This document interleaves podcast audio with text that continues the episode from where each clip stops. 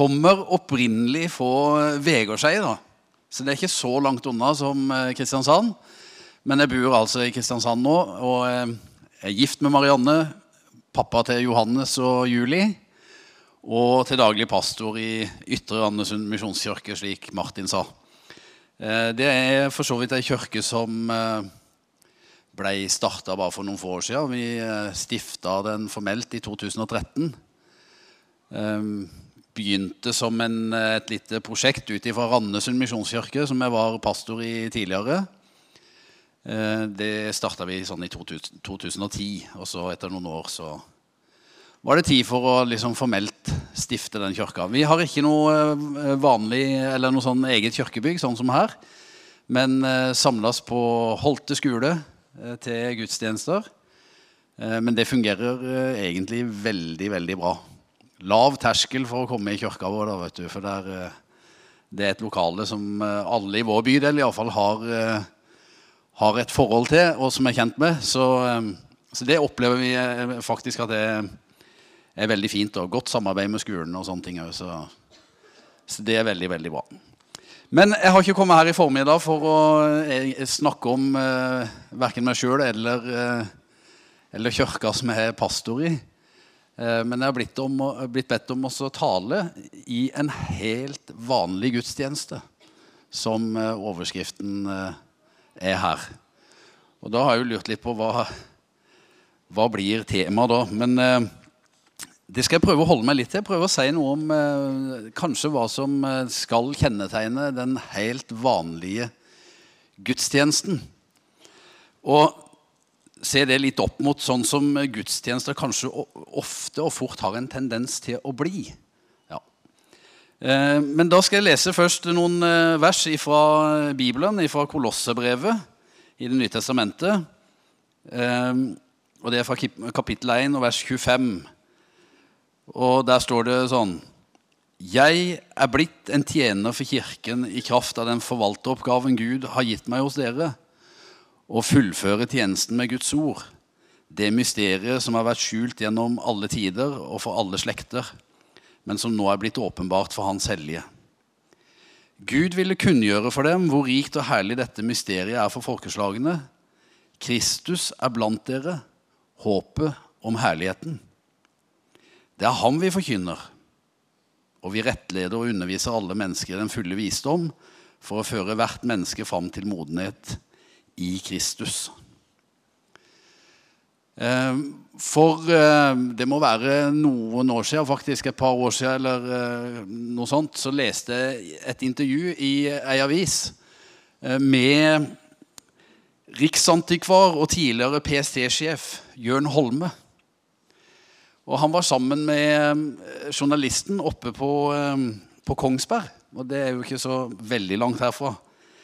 Og de var eh, inne i denne kirka, da, og så eh, sier Holme da, at eh, det er ikke alteret, men prekestolen som er kirkens midtpunkt.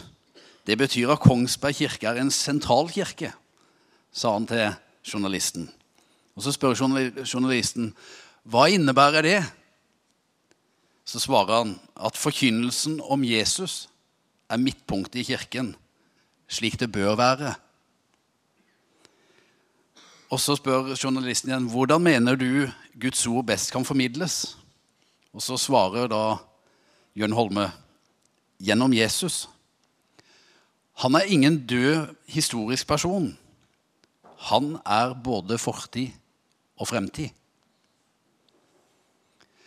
Holme han er med andre ord ganske enig i Paulus, som vi nettopp eh, leste fra Kolossebrevet.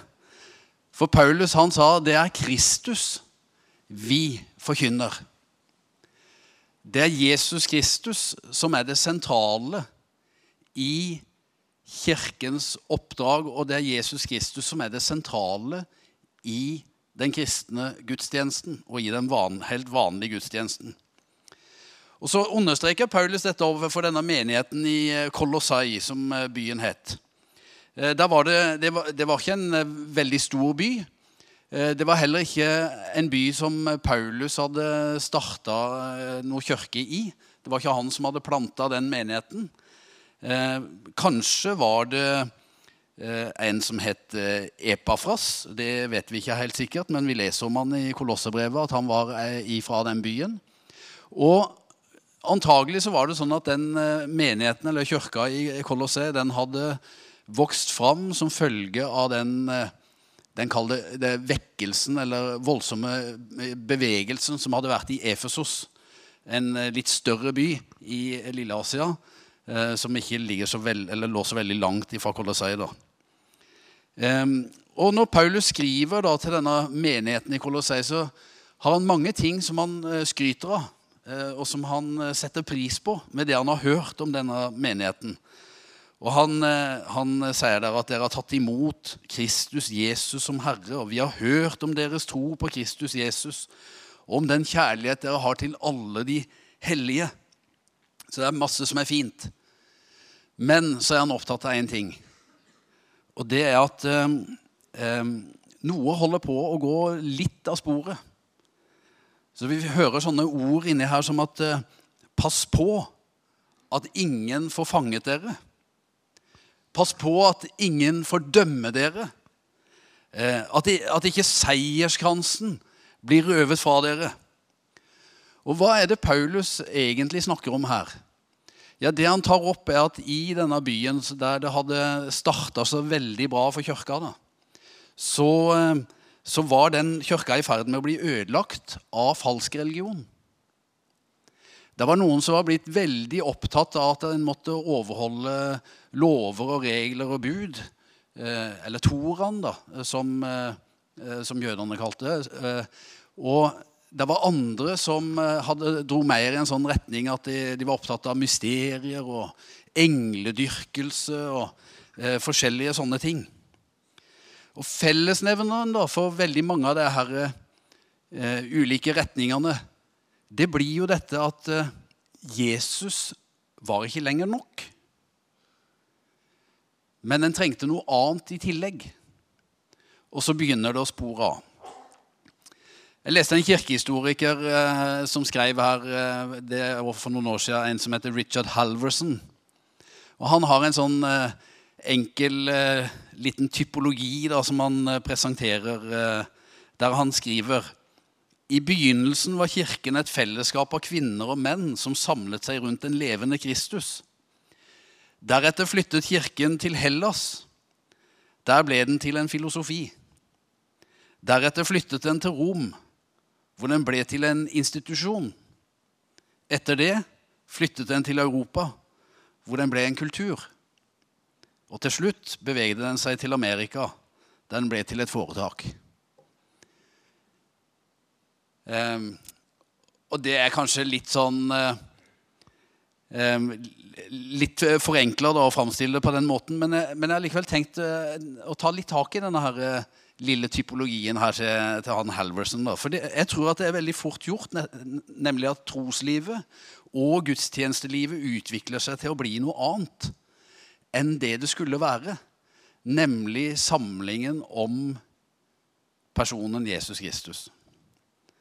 Um, Halverson han eh, begynner da med denne Hellas-gudstjenesten, eller det helenske miljøet, der det blir fokus på filosofi og slike ting. og det, det er jo ikke helt fremmed i en del, i en del jeg håper jeg, kirkelige miljøer i, i, dag, eh, det, da. Eh, der det kanskje blir servert mer Kall det menneskelig visdom, populær psykologi. Det kan være mange ulike ting vi blir opptatt av. Da, og Vi skal finne ut av så veldig mye om oss sjøl og alle mulige sånne ting. Og så er ikke tingene nødvendigvis galt i seg sjøl, men, eh, men, det som skjer, er at det viktigste drukner til slutt. Og så blir vi kanskje servert en hel masse sånn gode råd. Ikke vel? Det er jo Det, eh, det kan være veldig godt og eh, fint, det òg, men, men evangeliet, det vi er satt til å formidle og forkynne i kirka, det er jo ikke gode råd, men det er gode nyheter. Og Det er en vesensforskjell på de to tinga. Og Jesus han er jo ikke først og fremst et prinsipp som vi skal følge. Men han er en herre som vi kan overgi våre liv til. Og det er noe helt annet. Paulus skriver pass på at ingen får fanget dere med visdomslære og tomt bedrag som stammer fra menneskelige overleveringer og grunnkreftene i verden, og ikke fra Kristus. Og Hans poeng her er jo at det, er Kristus som må være vår visdom. Og som må være den visdom vi søker når vi kommer sammen nå som kirke. Og som må være det vi åpner oss opp for. Um, leste et intervju en gang med Dagbladet-redaktør, eh, eller tidligere Dagblad-redaktør. Det er jo lenge siden han var det. da, og Han var også historiker. Eh, Hans Fredrik Dahl han var en ganske markant skikkelse. Ehm, og han ble eh, ganske sjuk mot slutten av livet. Og i møte med sykdom og død så, så kom han til en overbevisning om at Gud var tilværelsens sentrum. Og han valgte å ta imot Jesus, og da, da, sa han eh, den gangen at eh, 'jeg har tatt Guds invitasjon på ordet'. Dette var en eh, smart og, og klok mann. altså. 'Jeg har tatt Guds invitasjon på ordet'. Og da tok jeg hele pakka. Det jeg liker, og det jeg ikke har så sans for. Jeg åpnet opp for noe som er mye større enn meg selv. Og Det er jo også noe av den utfordringen som ligger der når vi kommer sammen som menighet, og vi kommer sammen i ei kirke eller til en gudstjeneste, at vi åpner våre liv opp for det som er så mye større. At det ikke blir bare vår menneskelige visdom og våre gode råd, men at vi åpner opp for den dimensjonen at Jesus Kristus, som Holme sa, han er ikke en død historisk person, men han er både fortid og framtid. Han er en person som er her nå, til stede blant sitt folk akkurat nå. Jeg tenker at en vanlig gudstjeneste så åpner vi oss for det som er større. Ok, Vi hopper litt videre i denne typologien eh, med Roma-gudstjenesten, eller der, hvor, eh, der vi, hvor, vi, ender opp med både kirke og gudstjenesteliv som eh, først og fremst som institusjon. Hva er det som kjennetegner institusjonene ofte? Jo, det at der er, der er ting eh, gjerne litt mer sånn strømlinjeforma. Eh, og det er, eh, det er på en måte regler og, eh, og bud å følge. Der er visse systemer som, som ting skal fungere etter. Og ofte har den kristne menigheten og den kristne trua endt opp litt slik at det, at det har blitt mer tradisjon og oppdragelse som har blitt formidla. Og moralen kommer i sentrum. Om hvordan vi, skal, hvordan vi skal tilpasse oss dette her systemet. Ehm, Dattera mi eh, hun er nå snart eh, elleve år gammel. Julie heter hun. Eh, men ehm, her for noen år siden hun var litt mindre, så ehm, hadde hun besøk av ei venninne hjemme. Og så hadde hun funnet en boks med Red Bull i i kjøleskapet vårt.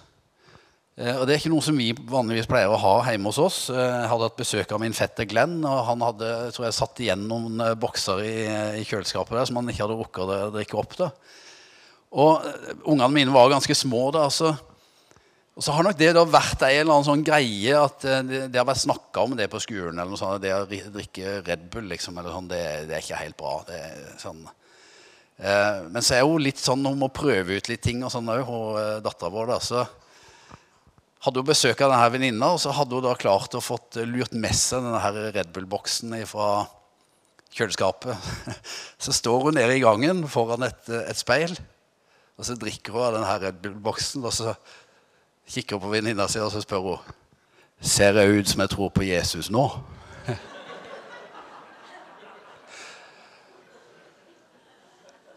Og på en eller annen merkelig måte jeg, jeg, jeg, kan ikke i min villeste fantasi forstå at vi har formidla noe i den retning i det hele tatt.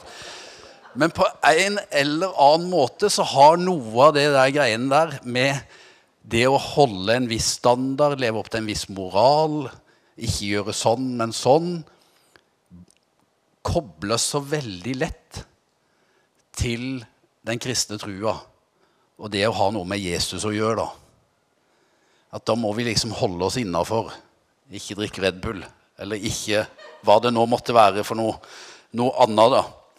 Um, og jeg har tenkt på det at det, det, ofte ender vi opp der i våre gudstjenester. Og der er én plass som jeg har blitt veldig oppmerksom på at, at her må vi passe på. Og Det er når vi samler ungene våre. Eh, vi har sånn søndagsskole i, i kirka vår, eller BT-kirke kaller vi det. For barn og tweens. Eh, og De har sin egen gudstjeneste og masse flott opplegg og alt mulig sånt. Men så har jeg lagt merke til én ting opp gjennom åra. At er det én plass det dessverre blir servert veldig mye moralprekener, og du skal og du skal ikke-budskap, så har det jo vært i barnearbeidet. Og det er altfor mange unger som har sittet igjen etterpå med et budskap som er at bare du er snill og grei, så kommer du nok til himmelen, liksom. Men det er jo ikke evangeliet, det. Det er helt feil. Og det er forkynnelsen om Jesus Kristus og det han har gjort for oss, som skal være det sentrale budskapet. Og i eh, Kolosserbrevet kapittel 2 og vers 16 så skriver Paulus da om dette. La da ingen dømme dere når det gjelder mat og drikke, høytider, om eh, nymånedager eller sabbat. Dette er bare skyggen av det som skulle komme, skriver han. Og så fortsetter han å skrive om det ned igjennom, om hvordan mange da er opptatt av å skulle holde seg til visse regler, og du skal og du skal ikke, og alt mulig sånne ting. Vi må ikke ende opp der i gudstjenestene våre. Vi har eh, Det var ei annen jente som vokste opp i Kristiansand, som, eh, som ikke levde helt etter boka, kan du si. Eh, og som hadde sine utskeielser og, ja, og det har vært skrevet om i norske medier, ikke minst for en del år tilbake. Og hun het Mette-Marit. Og det gikk høye debatter. Og mange mente hun, uh, hun var jo ikke verdig å bli del av et kongehus med den bakgrunnen hun hadde, osv. Og, og så er det, syns jeg, litt stilig, da, at det som ble det avgjørende for Mette-Marit, det hadde ikke noe med hva hun hadde gjort eller ikke gjort, men det var det faktum at kronprinsen ville ha henne. Det var en som elska henne og som ville ha henne. Og så tenker jeg Det er òg evangeliet, og det budskapet. Der er én, kongenes konge, som vil ha det, og som vil ha oss. Og Da spiller det ingen rolle hvordan din fortid ser ut. Da spiller det ingen rolle hvor du har svikta, hvor du har falt henne. Men han elsker deg, og han vil ha det. Og det er evangeliet. Og det er det budskapet vi er satt til å formidle og vi er satt til å forkynne i våre gudstjenester og kirker. Ja. Teologen Karl Barth han ble spurt en gang, en, en stor teolog for ja, 100 år tilbake eller, og Han ble spurt en gang og kom til Chicago for å forelese. Og eh, spurte om å gi en kort oppsummering av sine tolv bøker i dogmatikk. Han, han hadde et enormt forfatterskap og var en svært viktig teolog. Og Da svarer denne teologen da Jesus loves me. This I know, for the Bible tells me so. Og Slik oppsummerte han sin dogmatikk og sin troslære. Jesus elsker meg. Det vet jeg, for Bibelen forteller meg det. Det er det sentrale, folkens. Um, la oss hoppe videre til neste i um, typologien, som jeg kaller det, Europagudstjenesten, når det beveger seg fra Roma til Europa. Og det, og det, blir, eh, det blir, til en kultur. Eller eh, Og den tenker jeg, den, den, kommer i mange ulike former. Det var en som sa til meg en gang eh, i, i kirka vår ute i Ytre Andesund da, at uh, han sa det sånn Når jeg er på møter i Salem eller Philadelphia Salem det er liksom den gamle misjonskirka inne i byen i Kristiansand, og Philadelphia er den store pinsemenigheten som eh, er i Kristiansand. da. Så sa han eh, når jeg er på møter i Salem eller Philadelphia, så er det så mange forskjellige mennesker som kommer, at det eneste vi egentlig har felles, er Jesus. Og så merka jeg når han sa det, at der, der, hadde han et lite stikk til oss i Ytre Andesund misjonskirke. For vi var jo så kliss like, alle sammen. En veldig sånn homogen gruppe. Sånn eh, hvite i huden, eh, middelklasse, eh, etablerte familier. Eh, veldig mange i samme aldersgrupper og, og sånt. Og, og, veldig mye som, som, var likt, liksom. Og det som fort skjer i, i, et sånt miljø som det, det er at det, det er så mange andre fellesnevner. Altså, Vi handler jo på samme butikk. Alle går i samme idrettslaget. Eh, vi, vi, bor liksom i samme nabolag. og alt mulig. Det blir veldig mange andre fellesnevnere. da. Og plutselig kanskje mange andre ting òg som samler oss enn det faktum at vi tror på den samme Herre og Frelser, Jesus Kristus. Og der kan vi veldig fort rote oss litt vekk. da. Og så blir denne her gudstjenesten og menigheten og sånn en helt sånn egen kultur for noen, noen, spesielle. Og det var egentlig ikke sånn det var meint å skulle være. Vi har prøvd nå å jobbe litt imot det. Men den der gudstjenesten eh, som er, som er sånn kulturelt prega, den kommer òg i ulike andre varianter. Alltid fra den finkulturelle, liturgisk ordna forestillinga til den mer lavkirkelige popkonserten. Eh, det kan være mange ulike utgaver. I Amerika så var det en svært populær forkynner for en del år tilbake som het Henry Ward Beecher. Og En søndag så var det en stor mengde mennesker som hadde møtt opp i kirka for å høre Beecher. Og mange ble skuffa da de oppdaga at det var ikke han som skulle forkynne, det var en annen. Det var nemlig Henrys bror. Og Da var det flere som reiste og gikk mot utgangen. Men da sto Henry Ward Beecher opp, og så annonserte han med kraftig stemme. da. Alle som kom hit i dag for å tilbe Henry Ward Beecher, kan nå forlate salen. De som har kommet for å tilbe Gud, kan bli sittende. Og det er veldig fort gjort. da, At fokus i kirka rettes mot noe annet eller noen andre enn han som skal tilbes. At vi beundrer forkynneren mer enn han som er ordet. At vi blir mer oppslukt av lovsangen enn han vi egentlig synger til.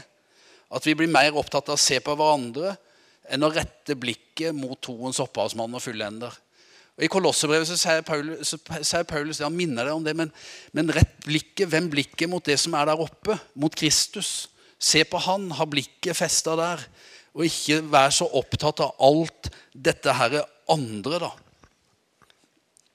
I et magasin som heter Ledernytt, så leser jeg en artikkel som var skrevet av en dansk innovasjonsekspert, en som heter Jonathan Løv.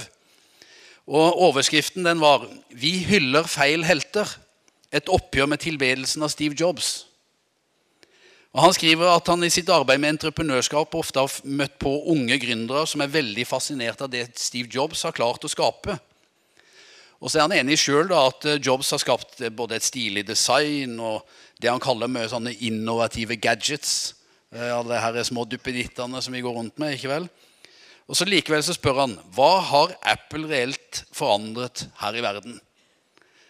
Og så syns ikke Løv at Steve Jobs fortjener helt den heltestatusen han har fått. da. Han mener derimot at Bill Gates burde være den store stjerna. Ikke bare har eh, Bill Gates vært mer en mer kompetent og empatisk leder, og ikke bare har han introdusert teknologi som verden nyter godt av i dag, men han har samtidig donert over 100 milliarder dollar til veldedighet.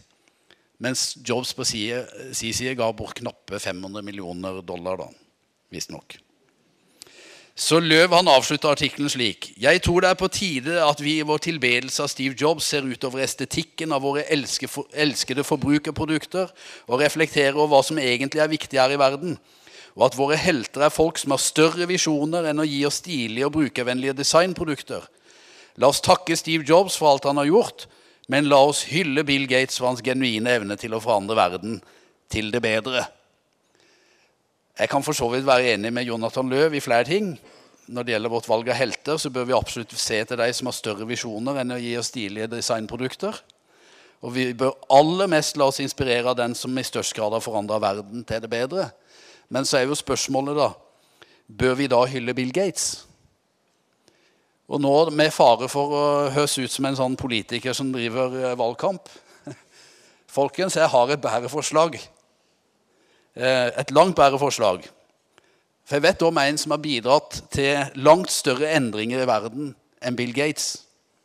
En som har gitt langt mer enn Bill Gates noen gang har gjort, og noen gang kommer til å gjøre. Og en som har vist evne ikke bare til å forandre folks hverdag, men som kan endre alt som gjelder vårt forhold til fortid, nåtid og framtid.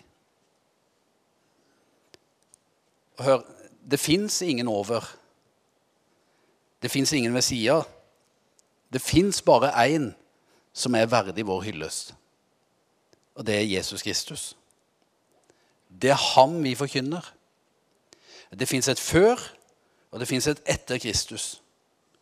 Ingen i verdenshistoria har hatt eller kommer til å få større betydning og innflytelse enn han. Og I Bibelen så sies det at han er alfa og omega. Han er begynnelsen og enden. Alt er blitt til ved han, alt eksisterer ved han og er for han. Han er allmektig, han er allvitende og allestedsnærværende.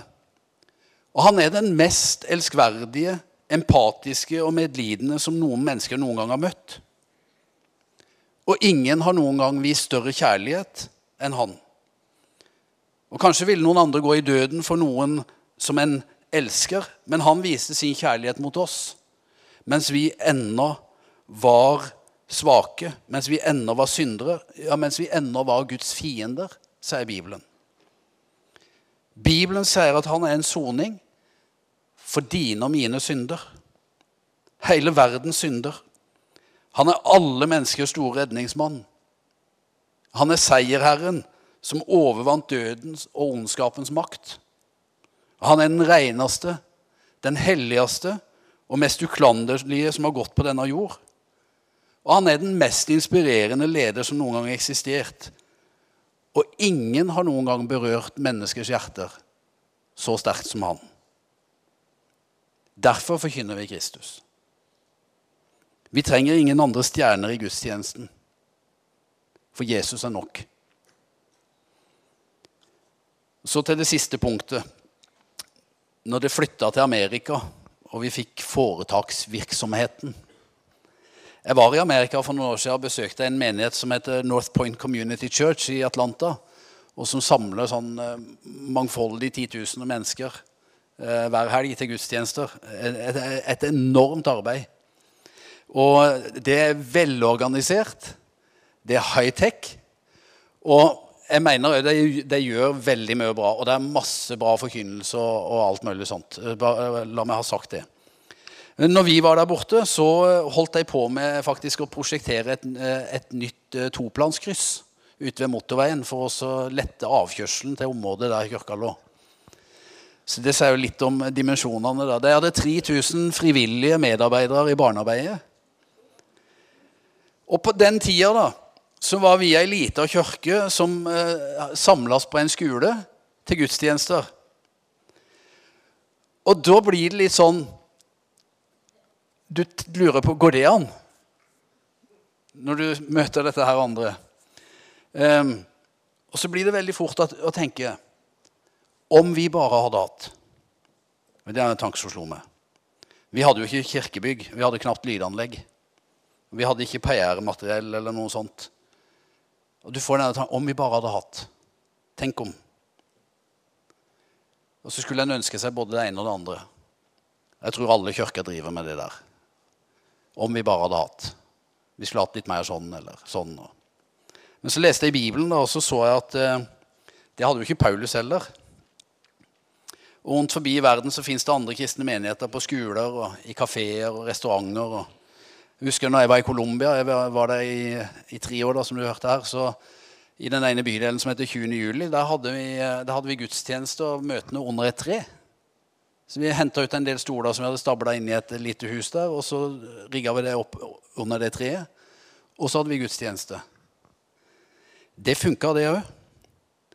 Altså Noen plasser så teller menigheten 20, andre 30-40. Og ikke rent sjelden så er det en forsamling på størrelse med det vi har i dag. Men det har jeg lyst til å understreke at det, det er en mer vanlig gudstjeneste rundt forbi enn den jeg møtte i North Point Community Church i Atlanta. Og så er det så mange av oss som da streber etter eller ønsker å skulle ha det sånn eller få det akkurat slik. Men dette er altså nærmere normalen. Og det er veldig mange andre som har langt mindre enn det vi har. Og det, det fins utallige sånne kirker rundt forbi. de er, de sjøl Jesus sin bygning. De er sjøl kirka, det er sjøl lydanlegget som synger ut hans pris. Og i de små menighetene så forvandles menneskers liv.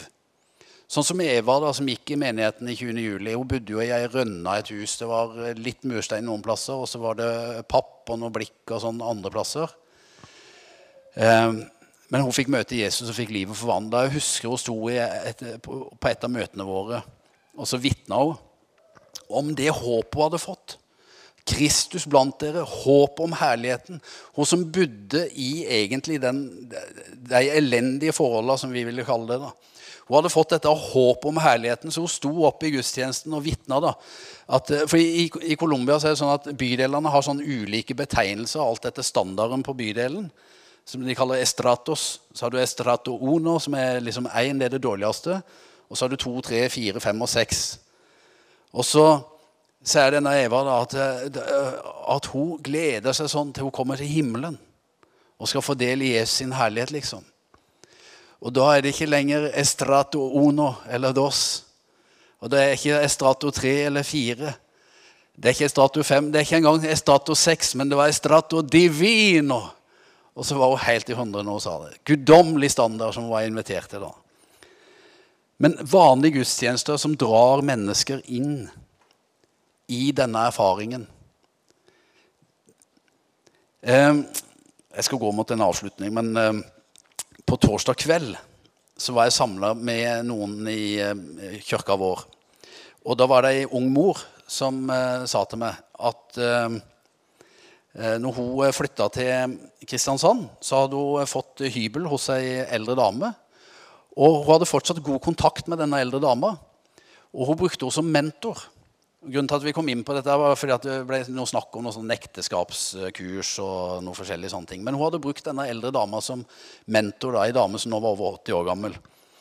Og det, Hun hadde fått et råd av denne eldre dama. da, og Det var veldig enkelt. Det var stryk mindre, bak mer. Og så kan jo noen kanskje bli litt sånn øh, tenke den, Hun er vel prega av sin tid, hun øh, dama da, som ga det rådet. Men, men, det er jo noe veldig fornuftig i det. Altså, Hva var det hun egentlig ville si? Ikke vær så opptatt av den ytre fasaden, men konsentrer deg om de viktigere tinga i livet. Jeg tenker det er et godt råd til mange av oss som driver og planlegger gudstjenester og eh, kirkelig arbeid og alt mulig sånt. Der stryk mindre, bak mer. Altså, Ikke vær så himla opptatt at det skal være strøkent alltid. Men sørg for at det som er viktigst, får plass og får rom. Og jeg tenker Vi er i våre kirke vi er kalt til å servere livets brød, altså forkynnelsen om Jesus Kristus. Og det kan være fint med alt det der andre, men hvis vi blir opptatt med det, så bommer vi. Og Da kan vi ha liksom et sånn strøkent hjem eller en helt strøken kirke. Men det mangler det vesentlige innholdet og det som virkelig gjør noe med mennesker. Og det som folk virkelig trenger. Altså Og jeg tror faktisk det heller kan være et stort problem for oss her, hvis vi blir for opptatt med at det skal være strøkent. Eh, fordi jeg har tenkt på at når jeg har det vanskelig, når jeg har utfordringer, da er det vanskelig å forholde seg til andres eh, jeg håper jeg, plettfrie vandel og eh, strøkne hjem og strøkne liv. Og det er på en måte det er, ikke, det er ikke det jeg trenger å møte. da. Jeg trenger noe annet. Altså Når jeg når jeg sliter med økonomien eller eh, så det, det, er jo ikke da det er lettest å være begeistra for at den andre har kjøpt seg en ny sofa liksom, eller bil. Eller når du, når du nettopp har mista jobben. Det er ikke enklest å være begeistra for, eh, for, at andre avanserer i sin karriere, liksom. Eller når jeg sliter i ekteskapet. Da kan det være ganske utfordrende å forholde seg til andres familieidyll. Og så tenker jeg Som kirker og med våre gudstjenester sånn, så er vi, vi er jo kalt til å møte mennesker der de er, med alle sine utfordringer, med alle sine vanskeligheter, med alle sine problemer. Og Da trenger vi ikke å servere det et sånt strøkent opplegg. En strøken og fin fasade, for det er ikke det folk egentlig trenger. Jeg tror heller det bare støter de lenger bort enn å trekke de nær. Sårbare mennesker trenger ikke gudstjenester som flasher vår vellykkahet. De trenger gudstjenester med fokus på det Jesus har gjort, ikke hvor flinke vi er til å få det til. De trenger gudstjenester med Jesus i sentrum. Når livet ikke oppleves så herlig, så er det erfaringen av Jesu nærvær som gir folk nytt håp om nettopp herlighet. Helt til slutt. Kirkefader Augustin han sa det sånn En dag vil jeg møte den personen som jeg virkelig kan snakke med. Som vil forstå meg og alt jeg sier. Som til og med hører det som forblir usagt. Og som fremdeles vil like meg. Jesus Kristus er oppfyllelsen av den drømmen. Med andre ord han er alt jeg trenger. Han er alt vi trenger. Han er nok for deg. Han er nok for Skien misjonskirke. Han er nok for deg som er her i formiddag, der hvor du befinner deg, med dine utfordringer, med dine vanskeligheter. Han ser det, han kjenner det. Og jeg tror han ønsker, han virkelig ønsker å møte oss. Jeg tror vi kan få lov til det akkurat her nå, og det har jeg lyst til å invitere til òg. At vi åpner oss opp for det som er større enn oss sjøl.